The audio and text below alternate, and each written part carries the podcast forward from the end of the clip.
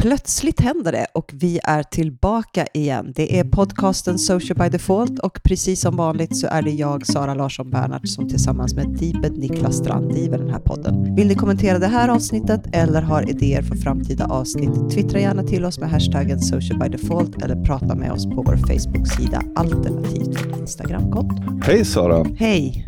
Det här var länge sedan vi gjorde. Ja, det, vi måste väl gå tillbaka till januari, tror jag, februari någonstans. Ja, precis. Hur kommer det sig? Nej, men det är ju så mycket annat som händer. Vi är ju så fruktansvärt upptagna på varsitt håll när det gäller våra jobb, så det är svårt att få ihop det här. Ja, och precis. Och ja, men du har ett, även om det inte är ett nytt jobb, men fortfarande liksom är det tidigt och har stora projekt på gång. Och Mm. jag har också lite förändringar i mitt jobb, så det har det inte funnits tid. Vi har, vi har fått prioritera andra saker istället. Det är ju fantastiskt att byta jobb, men jag tror att eh, eftersom man inte gör det så ofta, eller jag har inte gjort det så ofta, så glömmer man lite grann av hur, eh, hur tufft det är. Ja. Att komma in i ett företag, varumärke, att lära sig processer, att förstå hur saker funkar och att man är ganska, det kräver många fler timmar än arbetstimmar och eh, man är ganska dränerad under den tiden. Och att även om man byter så att säga, till samma titel Mm. så är det ju ofta så att innehållet kan vara jätteannorlunda och beroende på hur, hur allting, eh, hur en marknadsavdelning eller en eh, kommunikationsavdelning är uppbyggd. Och det där tar ju tid att lära sig och komma in i. Så är det. Och jag menar, om man är van vid att vara den personen som har stenkoll på allt, vilka personer, vem som sköter vad, vem man ska vända sig till på frågor, så blir man ganska vilsen när man byter, för att man, man har inte lärt sig än och man kan inte. Man behöver ge sig en, den tiden och jag Mm. tror att eh, mycket sitter i ens eget huvud. Man vill prestera, man vill förändra, man vill göra saker och det är just den här, det nya som gör att det kanske inte går lika fort som man, som man vill. Och ju större och mer komplex organisation, ju svårare blir det att faktiskt komma dit man faktiskt känner att man gör saker. Mm. Det är en lång process till. Jag är ju en performance marketer numera och jag ser ju nu den här liksom att, ja, men nu har jag varit där i tre år, jag vet ungefär. Plötsligt så ska hon lära sig allt- allt det, kring det här. Och vissa saker kan ju jag onboarda, men andra saker måste man ju lära sig. Det finns ju inget sätt att egentligen få en fast track på det. Nej. Men nu har det ändå gått eh, lite drygt ett halvår och förhoppningsvis kanske vi kan plocka upp den här podden, för det har faktiskt varit på mitt håll. Du har frågat och jag har duckat ganska många gånger. Det var så när vi började podden. Ja, men precis. Avsnitt 151, tillbaka på ruta 1. ja, inte riktigt kanske. Det är bättre ljud den här gången. Men, men, men sen är det ju faktiskt så att nu har det ju, i och med att vi inte har poddat så, så regelbundet som vi gjorde förut, så har det ju faktiskt hänt en jäkla massa saker. Ja, och samtidigt ska man väl säga, ib- ibland kan det ju också vara så att vi har ju ett tag känt att det händer inte så Nej. mycket i sociala medier som är värt att prata om. Men nu plötsligt verkar ju allting ha tagit någon sorts liksom gasen i botten Mm. de senaste månaden nästan. Och det känner vi väl att det är dags att prata om. Om vi börjar någonstans. Vi gillar ju algoritmer du och jag och framförallt fundera över algoritmer och testa dem och så här. Och där har det ju hänt saker. Där har det ju hänt sjukt mycket och vi har ju ändå varit inne på det förut. Och jag menar, alla ni som lyssnar vet ju också att sättet som våra traditionella sociala mediekanaler, de som vi oftast refererar till som Facebook, Instagram, Twitter, LinkedIn, har ju byggt sin algoritm på ett sätt, medan TikTok som nu har liksom skjutit i höjden, som vi har sett haft en explosionsartad ökning de senaste två åren, har ju en algoritm som är totalt tvärtom. Det här ser vi nu kommer driva ganska mycket av förändringen i algoritmerna i våra traditionella kanaler. Den algoritm vi har sett och alltid pratat om är ju den sociala graf där vem du följer, vem du är vän med är det som styr vad du ser. Mm. Medan då TikTok har en intressebaserad graf. Helt enkelt, vad är du intresserad av? Vad tittar du på? Där då feedar upp nya saker. En egen sorts taxonomi. Mm. Och den plattform som egentligen kopierar det här, eller som börjar dra sig mer åt intressegrafen, det är ju Instagram. Ja, Och verkligen. framförallt när man tittar på hur de har kopierat features och introducerade reels för ett tag sedan. Och det är väl framför allt nu på reels vi kommer se den stora förändringen, där de nästan i stort sett lyfter lyfter hela den intressegrafsbiten över till att börja jobba med reels på samma sätt. Och det tycker jag man har sett senaste halvåret att de redan börjat. Mm. För man får så otroligt många rekommendationer i feeden. För jag är ju fortfarande scrolla feeden person väldigt mycket eftersom jag tittar mycket på fotografer. Men där får jag ju otroligt mycket positivt. För jag hittar ju nya fantastiska fotografer hela tiden. Men ändå, det blir liksom så här, kan missa dina saker, du kan missa mina saker just för att vi inte alltid har, är inom i samma intressesfär. Nej. Trots att vi pratar med varandra konstant. Mm. Den sociala grafen är vi jättenära och jättetajta. Ja, och jag vet att jag tror att det var senaste podden i januari, alternativt att det var den vi släppte i december, där vi faktiskt pratade om hur infiden hade förändrats redan mm. då, där man nästan såg var tredje, var fjärde uppdatering var en rekommendation om någonting. Nu kommer det skruvas ännu mer och personligen så vet jag inte riktigt vad jag tycker om det. Företag som vi ska prata om sen så kan det faktiskt vara en fördel. Ja, men vad är det som händer? Du har ju grävt in dig lite i vad är det som faktiskt kommer hända med Instagram kommande? Var, var är de på väg nu? Liksom? Alltså utöver att de då kommer vrida sin algoritm från att vara mer åt interest graph snarare än social graph, så kommer de också försöka göra upplevelsen på Instagram lite mer likt TikTok. Det som de samtidigt då experimenterar med, det är att öka antalet reels som du ser i feeden, att dra upp videos mycket högre i algoritmen. De kommer att gå ifrån den traditionella affären att vara liksom en bildbaserad plattform till att bli en videobaserad plattform. De ser också att 20% av den tid som användarna är på Instagram idag spenderar de på reels, vilket är ganska högt. Väldigt högt. Och de kommer driva det mycket mer. Så att videos som idag läggs i feed kommer också att blåsas upp och de har redan börjat den testen till att täcka hela skärmen, alltså bli mm. 9.16, även om du kanske laddar upp den som 1.1 eller 4.5.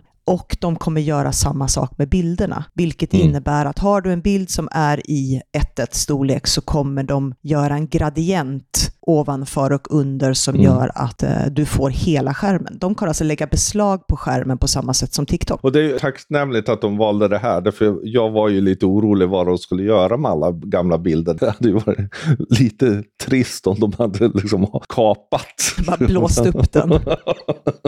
Men, men det gör ju att vi behöver tänka till, alltså framför allt som kommunikatörer och marknadsförare, eh, vad mm. det innebär. Dels då i hur, hur snabbt kommer vi kunna publicera 916 videos och bilder? För jag menar, oavsett hur snyggt de försöker göra en gradient så är det ju inte det vi vill kommunicera. Nej. Vi vill ju kunna ha kontroll över det vi gör det andra blir då, vad innebär det här social graph kontra interest graph i den kommunikation som vi gör som varumärken? Bara en grej när det gäller själva formatet. Och jag har ju inte sett det ännu, eller har det ännu inte, men de som har det säger liksom att det är så svårt att läsa captions, mm. vilket innebär att den blir ju mindre intressant. Mm. Alltså behöver vi jobba med videon som contentbärare även här. Och här är ju också en fundering, för jag menar om vi jämför då vårt beteende på Instagram Instagram kontra det beteendet som finns på TikTok och Snapchat så vet vi att vi i stort sett alltid har det ljudlöst på Instagram. Det är mm. liksom by default, medan på TikTok och Snapchat har vi alltid ljudet på. Det de kommer göra är att de kommer slå på ljudet snabbare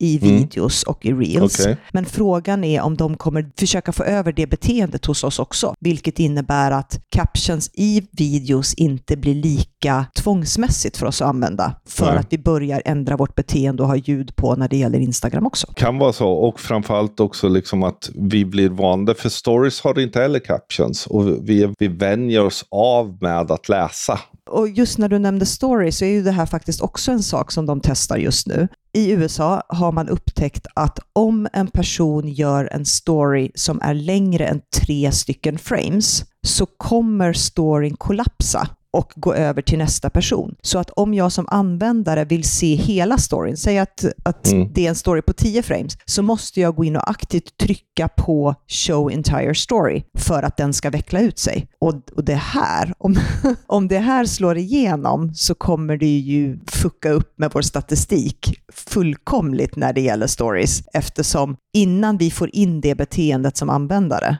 att faktiskt vilja se fler än tre rutor från någon, och framförallt mm. varumärken, så kommer vi ha en sån hög dropout. Och det här motsvarar ju egentligen det de har gjort i vanliga feeden med trunkering av texten. Mm. Det är ju logiskt, eh, men, men, precis som du säger, vi är inte vana. Man kommer få lov att nästan utbilda sina publik i Tap det. Liksom. for more, typ. Så I slutet på tredje. Liksom. Mm. Och, och, där blir vi också någonstans att vi kommer få lov att vänja oss vid att också berätta saker kortare. När jag utbildar våra ambassadörer säger jag att eh, första raden är den viktigaste du har. Mm. Och här blir det ju någonstans att första bilden, det är ännu mer den här mot att skippa det gamla sättet vi har gjort film. Att det ska vara en lång intro för att bygga någon sorts känsla, utan på direkt. Mm. Liksom. Och det kommer ju gälla även i stories. Nå någonting som jag tror vi kommer få se utmaningar i, det är ju om nu alla tre olika format på Instagram, infeed, stories och reels, kommer ha samma mått alltså 9.16. Mm. Hur ska vi lära oss att det faktiskt är tre olika format? Det är tre olika berättarformer. Det är tre mm. olika typer utav upplevelser som man vill få till. Så att det inte blir ett kopierande eller ett mischmasch av att faktiskt förstöra tre olika format som finns idag. Det tror jag kommer vara en av de stora utmaningarna. Ja, det är helt rätt i. Alltså, de flesta tenderar ju, och det handlar ju om resurser väldigt mycket och inte bara att man är lat, men tenderar ju att gärna vilja duplicera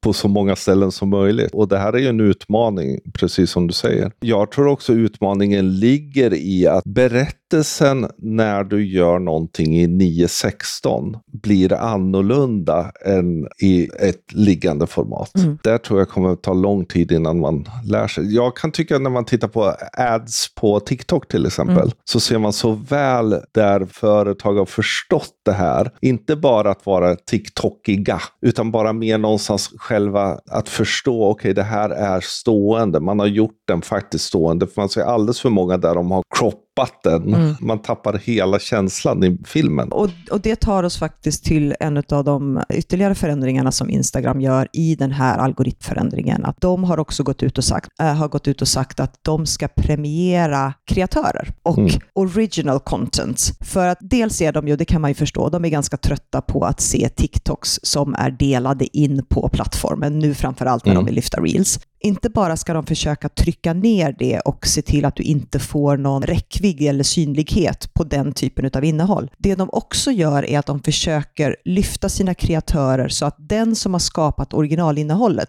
ska få engagemanget, reach och impressions. Mm. Så alla de här kontona som är sådana här fankonton eller meme-konton som enbart kopierar och publicerar saker som redan har gjorts av någon annan kommer också att få en mycket lägre räckvidd. Vilket då fuckar upp ambassadörsskapet. Yes. Eftersom någonstans har man ju liksom en, bara ett visst begränsat antal assets mm. Eh, när man gör en kampanj och så vill man att ens ambassadör ska gärna visa om man ser till att de får tillgång till native. Men nu plötsligt så, jaha, vad fan. Och det är ju en del i det. Den andra delen, och de har ju fått frågan då, hur ska ni kunna se det här? Det är ju att titta på liksom AI ska då identifiera, har vi sett de här filmerna förut? Är det samma personer som är i filmerna eller i bilderna? Och framförallt finns det watermarks eller liknande från framförallt då TikTok. Men tittar du på hur många företag arbetar idag så kan det ju vara så att du har ett antal lokala konton och sen så har mm. du en global organisation som skapar innehåll som sen då ska lokalanpassas i och med att man då antingen sätter subtitles på lokalspråk alternativt att du skriver dina uppdateringar. Men det är fortfarande mm. samma video och det är fortfarande samma Exakt. bilder. Där kommer slå hårt. Ja, lättare om de inte finlirar den, men det har jag lite svårt att tro. Men om vi tittar då bara de här delarna och tar algoritmen sen, så strategiskt sett så kommer man ju behöva tänka om väldigt mycket och jobba mycket mer med specifika sociala assets. Mm. Man kan inte egentligen börja i TVC och sen försöka klippa ner det, därför det är ett helt annat format. Det tror jag är den viktigaste takeawayen här, att man behöver tänka visuellt på, på, andra på sätt. ett helt annat sätt. Och sen lite bra, just det här att texten, berättelsen måste drivas av filmen eller de, de visuella delarna, inte av captions. Någon annan som också kanske finally ändrar sin uh, algoritm, om vi nu ska fortsätta på algoritmspåret och uh, gå över till en annan plattform, är ju LinkedIn. Mm. Man kan ha mycket positivt och gott att säga om LinkedIn, men de ligger ju alltid lite i bakvattnet när det gäller saker. lite.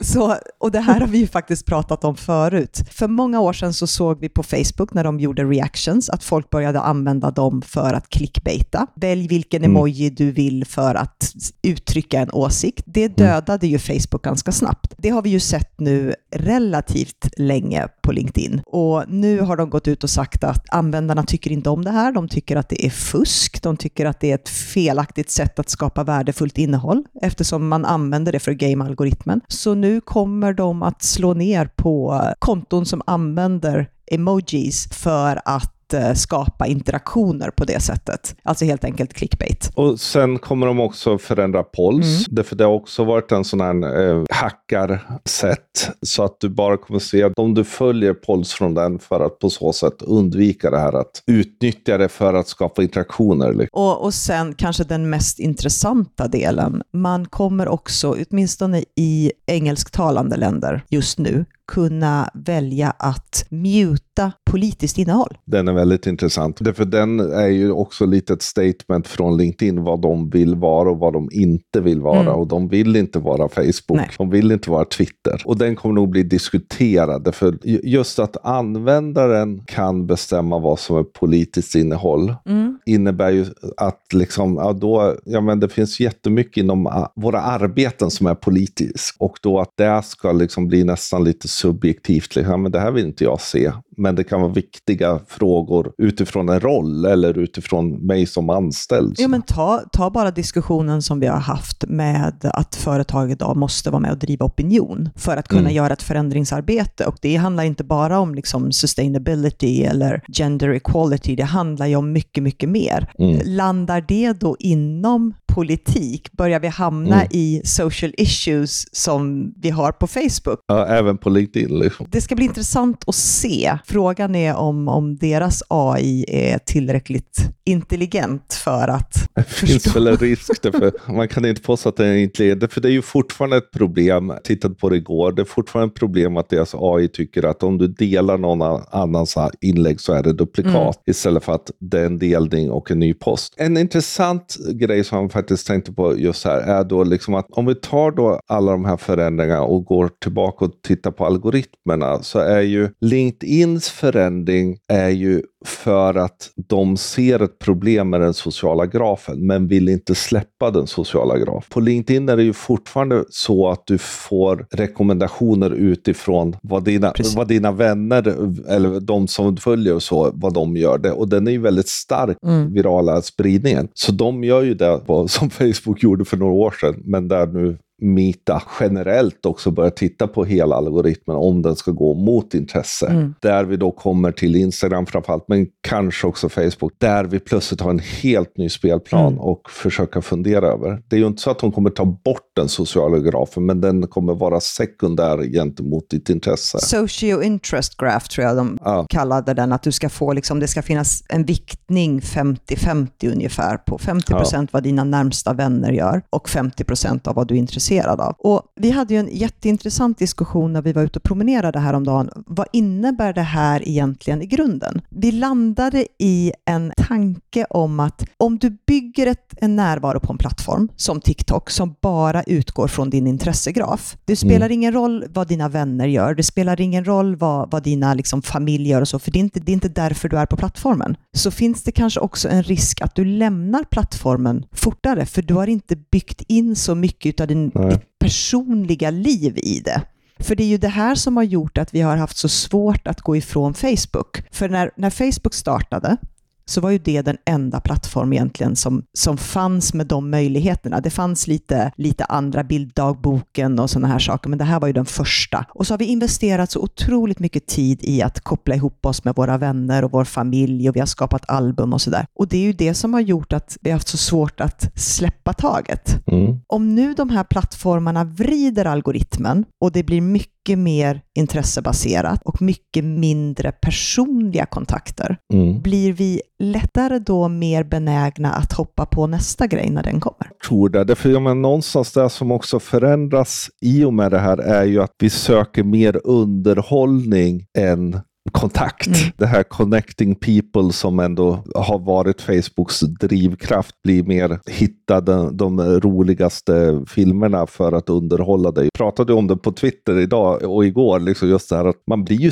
sittande där ett par timmar, hur enkelt som helst. Bara plopp så har det gått en timme, mm. liksom, man har scrollat roliga videos på eh, TikTok. Men jag tror att det faktiskt finns en fara i att vi får en mindre stabil följarskara. Plattformarna kommer bli mer utsatta för att what's next? Mm. Nästa sak kan vara en TikTok-dödare där vi förut sagt nej men det finns inga Facebook-dödare på det sättet. Liksom. För det, det, har man ju sett, eh, och mycket kanske på grund av eller tack vare pandemin. För jag menar, om vi går tillbaka tre år före pandemin när TikTok fortfarande inte var så stort, åtminstone inte i de något äldre målgrupperna, så var ju Snapchat det vi pratade om. Och vi såg att företag la mycket i sin mediabudget på att faktiskt utforska hur kan Snapchat hjälpa oss i vår kommunikation. Jag tror att med uppgången av TikTok och vi ser hur mycket tid som folk spenderar, jag tror att snittet ligger på 57 minuter och varav 90 mm. av TikToks användare är på plattformen dagligen. Där har, vi redan, där har Snapchat redan tappat tappat det, den mm. mediaspänden som de kunde tjäna, för där vi lägger det hellre på TikTok. Och jag tror generellt för hela sociala medier, TikTok äter lite lunchen just nu. Mm.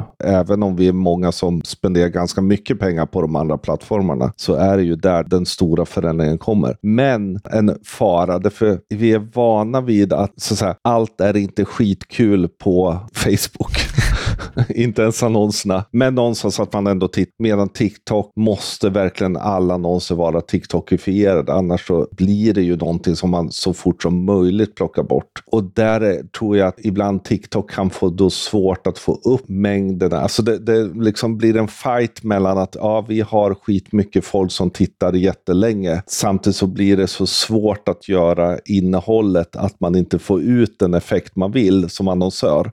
Och då lämnar man ju. Mm. För jag menar, det är ju effekten man hela tiden vill få ut. Det, det kommer ju bli ett trial and error-år och det vet jag att vi sa redan i januari att det kommer dels bli cringeigt med företag som hoppar på för att de inser att de måste ja. förstå det men inte riktigt fattar. Och precis som du säger att man, man måste lära, lära känna plattformen ja. väldigt mycket. Jag skulle vilja gå tillbaka igen till intressegrafen och Instagram och vad det kan faktiskt mm. innebära för positivt för företag. Om du som företag till exempel har olika typer av kommunikation som du vill göra, så har du faktiskt möjlighet att idag synas på andra sätt. Vi vet att vi har pratat om hur otroligt hård bildalgoritmen är, vilket mm. innebär mm. att har du byggt en följarskara och du får engagemang på en viss typ av bilder, så gör du helt plötsligt en annorlunda kommunikativ loop så får du i stort sett inget engagemang på de bilderna för att de visas Nej. inte. Här är ju faktiskt en positiv förändring, för att om du ligger i ett intresse som ligger utanför din följarskara så kommer faktiskt dina videos och din, dina bilder visas för nya människor. Det är ju lite som vi tänker hashtags mm. ibland ska fungera Precis. och det här är liksom nästa steg i det. Och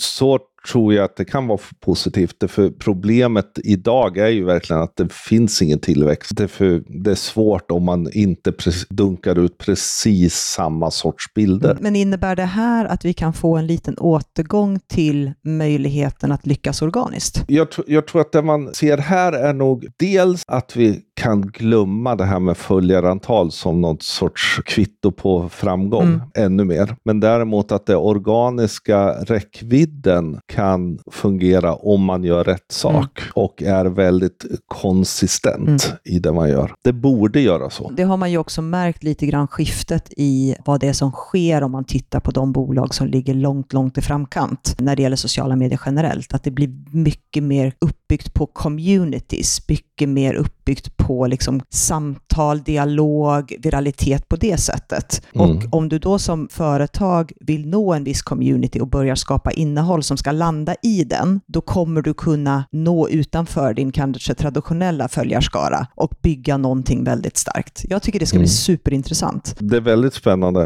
Eh, en ytterligare sak som, som blir intressant och samtidigt lite knepig är ju UGC. Mm. Som då ligger i ett community-tänkande och som borde utifrån både att vi tittar på influencers och vi gillar vad, alltså perso vad personer gör. Samtidigt som du hamnar i den här duplikatdelen då, att ja, men då kan vi som företag kanske inte återpublicera våra fans bästa bilder. Därför då hamnar man plötsligt i ett duplikatssituation.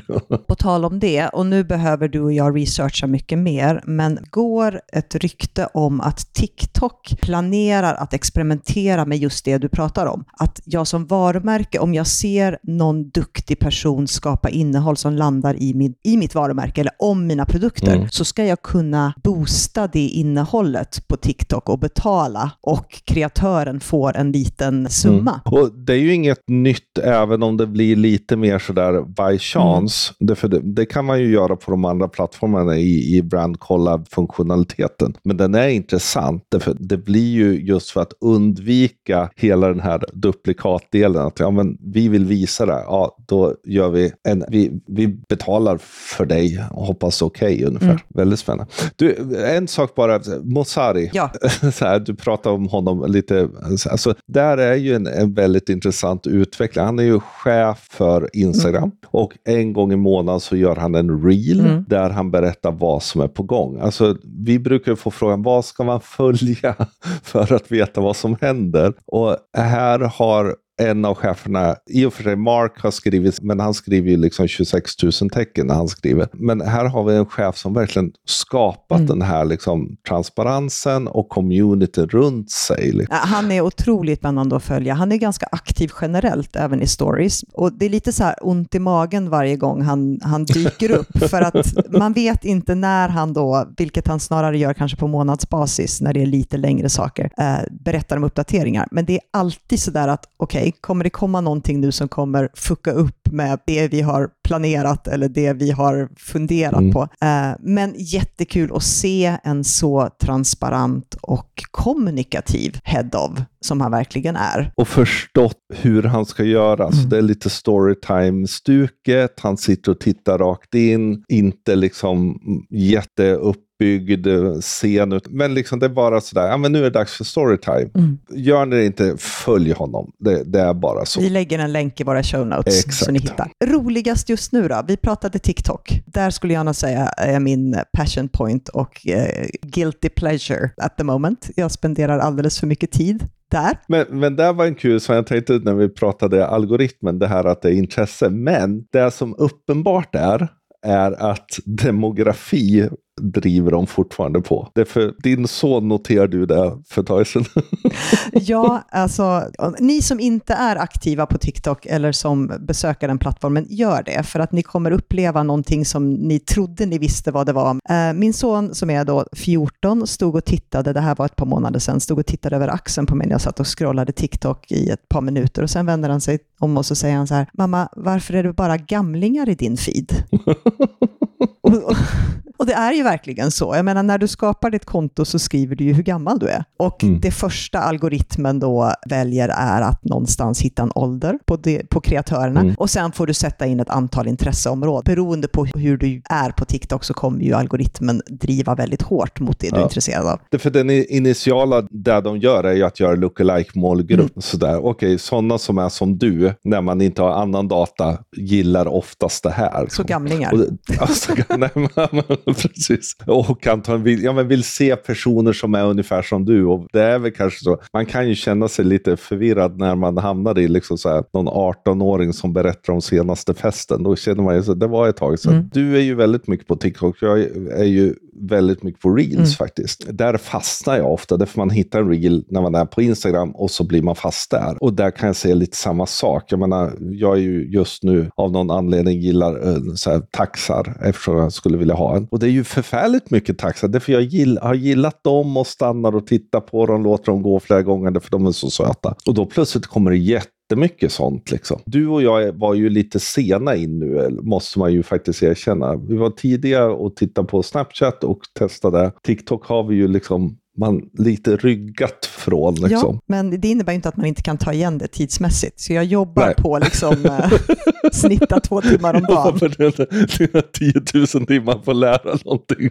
Men mina två favoriter, och det är ju inte konstigt, den ena är ju en av de absolut största på TikTok, det är KB Lame. Fantastisk kreatör som kom från ingenstans och började göra, jag ska inte säga narr av, men, men lite sådär utav alla do it yourself-grejer ja. på TikTok. Och är nu inte bara en av de absolut största med flest följare, utan även blivit eh, Hugo Boss ansikte. Här är mm. ju några som då har hittat precis vem de ska ta och eh, jobba med för att tappa into that community. Och den andra är en eh, kille som heter Francais Bourgois som är trainspotter, alltså han är tågnörd. Inte mm. alls lika stor som KB Lame. Alltså man kan inte annat än att älska honom. Hans nördighet och jag gissar, och nu ber jag om ursäkt samtidigt, men, men han, han har nog lite autistiska drag för att han är så otroligt fascinerad och nördig i mm. tåg. Och man bara älskar honom på alla sätt. Och samtidigt, han blev ju nu inbjuden till Gucci. Guccis senaste modevisning. Och är verkligen liksom på väg att bli något stort. Mm. Liksom. Ja, de två är, är mina absoluta favoritkonton just nu. Men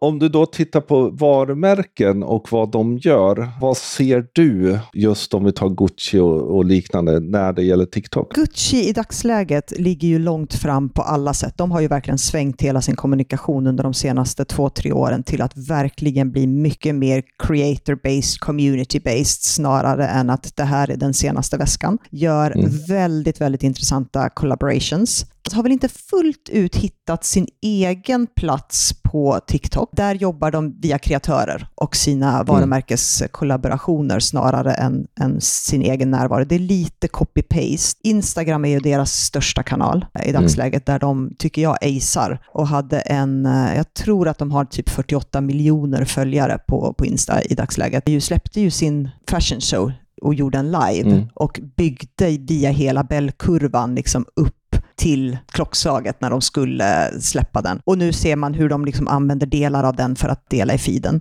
Vi är fortfarande lite inne på mycket mer kollaborationer, mycket mer kreatörsdrivet mm. varumärkesmässigt på, på TikTok än att helt enkelt ha sin egen kanal. Sen har de, det funkar ju, med tanke på att det är intressebaserat så kan du göra någonting som verkligen får fart och så får den flera hundra miljoner views, överdrivet. Men, och sen kan du göra någonting som inte alls funkar och så ligger du och skvalpar på botten. Vår vän Gunnar Skarland hade ju plötsligt fått en hit på TikTok. Det han gjorde var att bygga, liksom, han hade en vriden bräda hur han satte fast den och plötsligt hade han så här 100 000 views. Helt galet.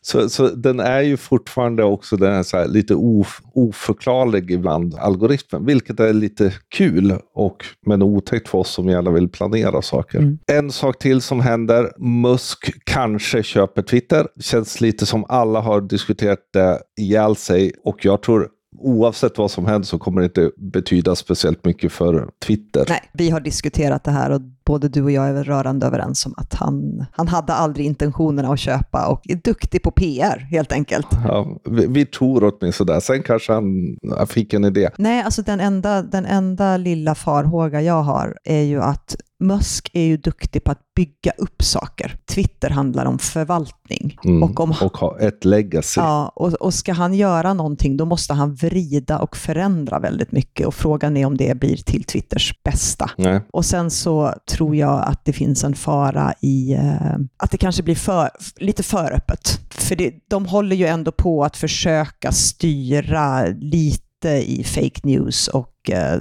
censur på gott och ont. Och jag är rädd att han kommer låsa upp det totalt och säga ordet är fritt. Och det tror jag inte heller är bra. Nej, och samtidigt så har han sagt saker som att ja, det som är dåligt ska inte finnas där. Så, alltså det är väldigt förvirrande. Tycker ni det är intressant? Musk Buys Twitter är kul eh, att följa på Twitter. Annars så får vi väl helt enkelt vänta och se. Du, kul att spela in podd igen. Mm.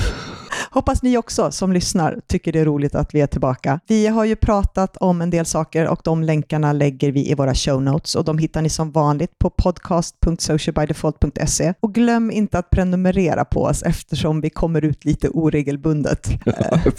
Men vi finns på Spotify, Apple Podcaster, Soundcloud, Acast och Stitcher och det är bara att söka på Social by Default. Precis, och om ni gillar den, särskilt nu när vi faktiskt återkommit efter denna långa ökenvandring utan oss, så får ni jättegärna ge betyg på Apple Podcaster. Skriv en recension eller någon, någon kommentar. Och som vi tidigare sagt, använd hashtaggen social by default på Twitter, på Instagram och så vidare. Vill ni nå oss så heter jag Deeped överallt. Och jag heter Sanna C. LB överallt. Tills nästa gång, ha det så bra.